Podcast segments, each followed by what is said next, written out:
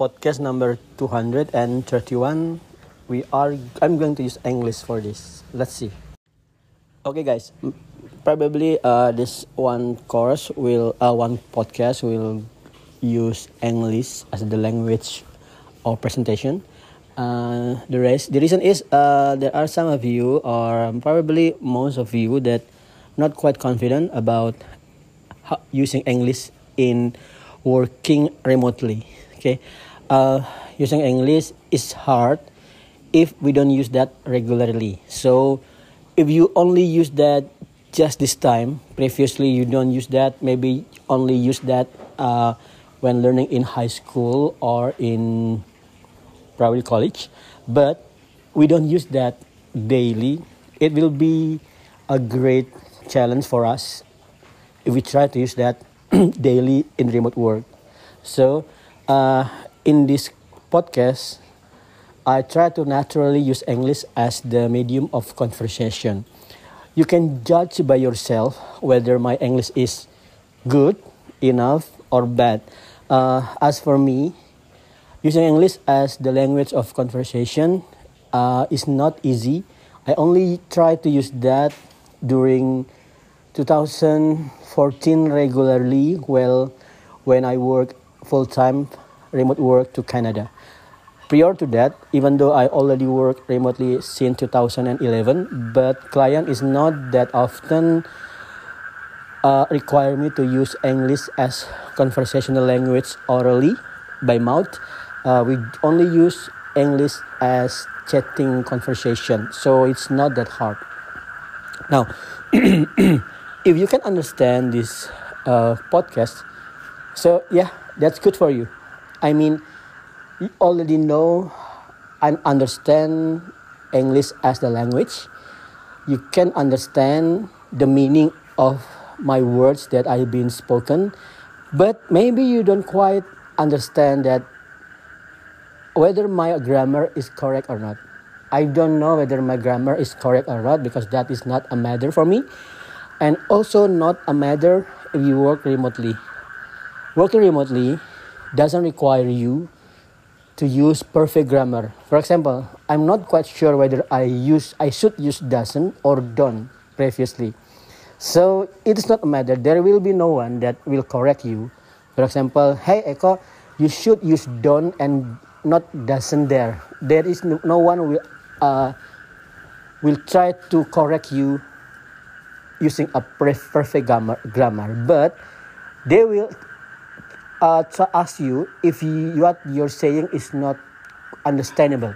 For example, you speak gibberish. Gibberish is not English and also not Indonesia.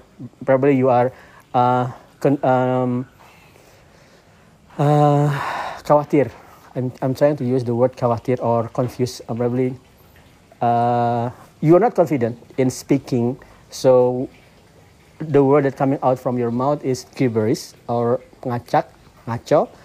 They try to probably ask like this. Could you please elaborate that?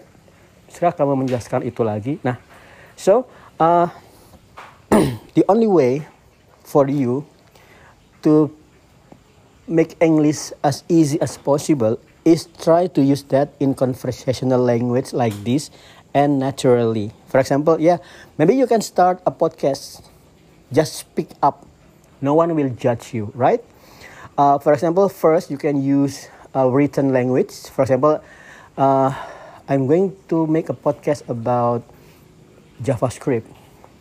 I'm not sure what I'm going to talk about if I'm about to talk that naturally. So I'm going to type that first in Indonesia and then translate that into English and then I will read that and spoken that into my podcast. You can uh, try to use this, use this technique, use this technique. No one will judge you, but uh, in the meantime, or eventually, pada akhirnya, eventually, you will gain a better skill in English as a conversational language, and you can also um, brand yourself as a programmer that have a high skill in JavaScript and also skill in using English as a conversational language orally. So, guys, yeah, uh, five minutes. I'm going to challenge you create your own podcast using Anchor.fm from your App Store or Play Store, and then record one podcast talking about yourself. After that, yeah, that will be a very good exercises for you to try daily, weekly, and then let's see from for a month from now from now whether you can create a podcast that engaging and will be valuable and at least will make you stand out from the rest because you can say to your uh, next client hey uh, you can see my discussion when i talk about react redux in this podcast. See you do you see what i'm aiming for you?